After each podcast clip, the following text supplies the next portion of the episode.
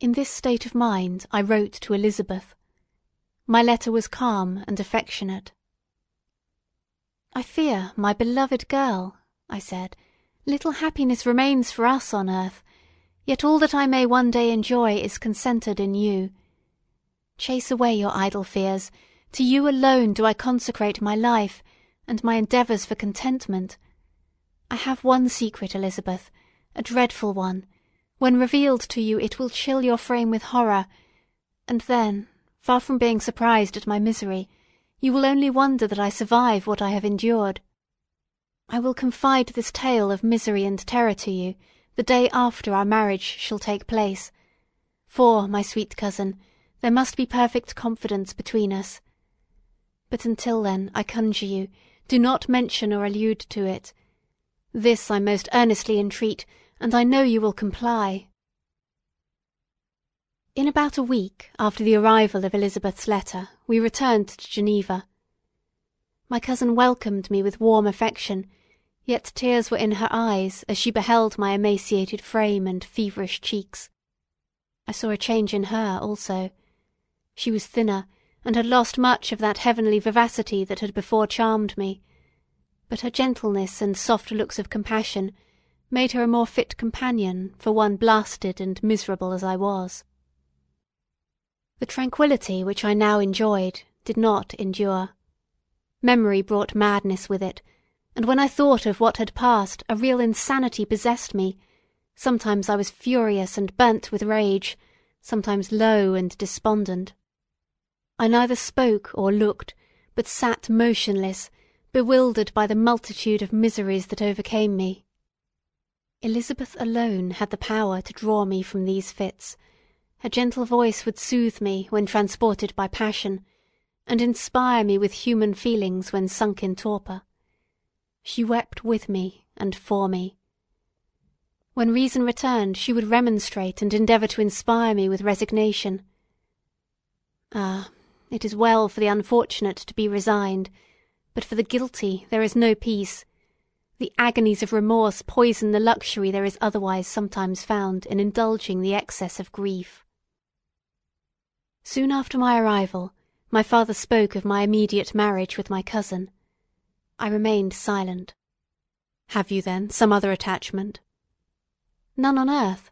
I love Elizabeth, and look forward to our union with delight. Let the day therefore be fixed, and on it I will consecrate myself, in life or death, to the happiness of my cousin." "My dear Victor, do not speak thus. Heavy misfortunes have befallen us, but let us only cling closer to what remains, and transfer our love for those whom we have lost to those who yet live. Our circle will be small, but bound close by the ties of affection and mutual misfortune, and when time shall have softened your despair, new and dear objects of care will be born to replace those of whom we have been so cruelly deprived. Such were the lessons of my father.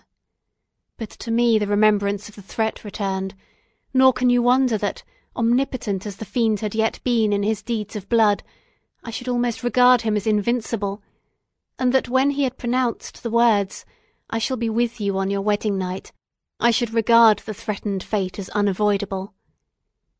But death was no evil to me if the loss of Elizabeth were balanced with it, and I therefore, with a contented and even cheerful countenance, agreed with my father that, if my cousin would consent, the ceremony should take place in ten days, and thus put, as I imagined, the seal to my fate. Great God! If for one instant I had thought what might be the hellish intention of my fiendish adversary, I would rather have banished myself for ever from my native country, and wandered a friendless outcast over the earth, than to have consented to this miserable marriage. But if possessed of magic powers, the monster had blinded me to his real intentions, and when I thought that I had prepared only my own death, I hastened that of a far dearer victim. As the period fixed for our marriage drew nearer, whether from cowardice or a prophetic feeling, I felt my heart sink within me. But I concealed my feelings by an appearance of hilarity that brought smiles and joy to the countenance of my father, but hardly deceived the ever watchful and nicer eye of Elizabeth. She looked forward to our union with placid contentment, not unmingled with a little fear, which past misfortunes had impressed, that what now appeared certain and tangible happiness might soon dissipate into an airy dream, and leave no trace but deep and everlasting regret. Preparations were made for the event, congratulatory visits were received, and all wore a smiling appearance. I shut up, as well as I could, in my own heart, the anxiety that preyed there, and entered with seeming earnestness into the plans of my father, although they might only serve as the decorations of my tragedy. A house was purchased for us near Cologny, by which we should enjoy the pleasures of the country, and yet be so near Geneva as to see my father every day, who would still reside within the walls, for the benefit of Ernest, that he might follow his studies at the schools. In the meantime I took every precaution to defend my person in case the fiend should openly attack me. I carried pistols and a dagger constantly about me, and was ever on the watch to prevent artifice, and by these means gained a greater degree of tranquillity.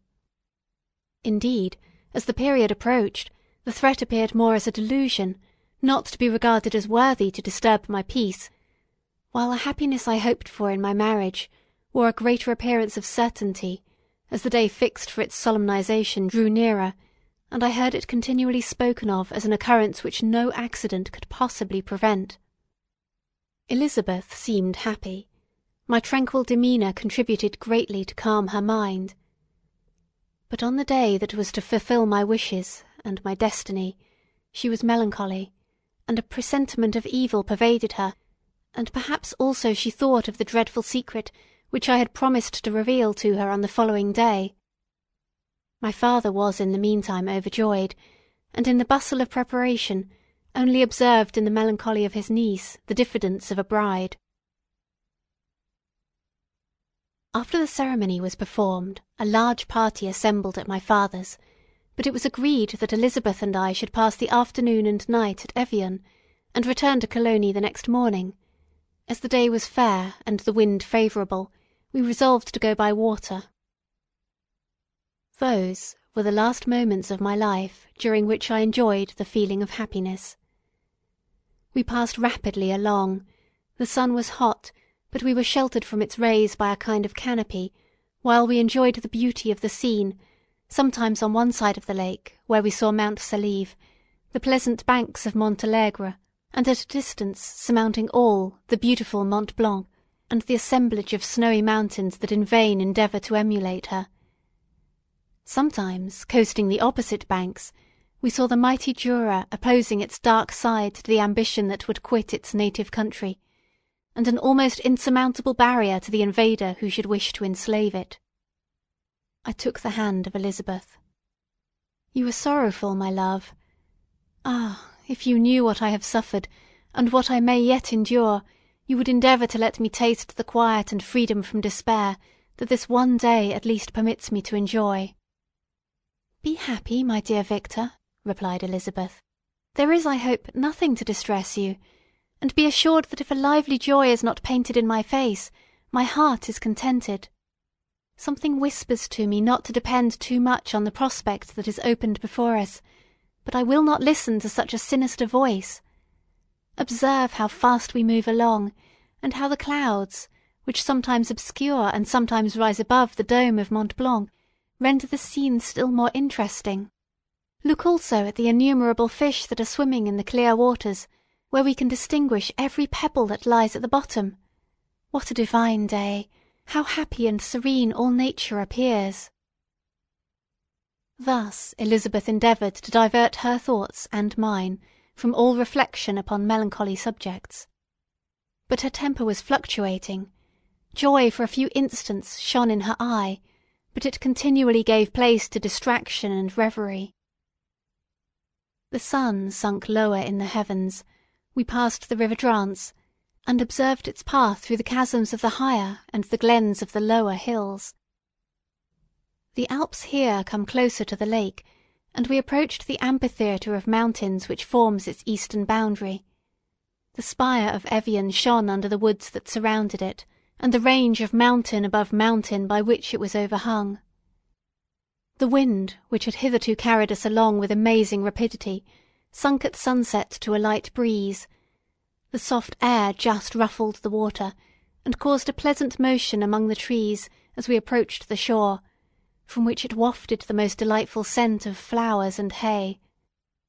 The sun sunk beneath the horizon as we landed, and as I touched the shore, I felt those cares and fears revive which were soon to clasp me and cling to me for ever.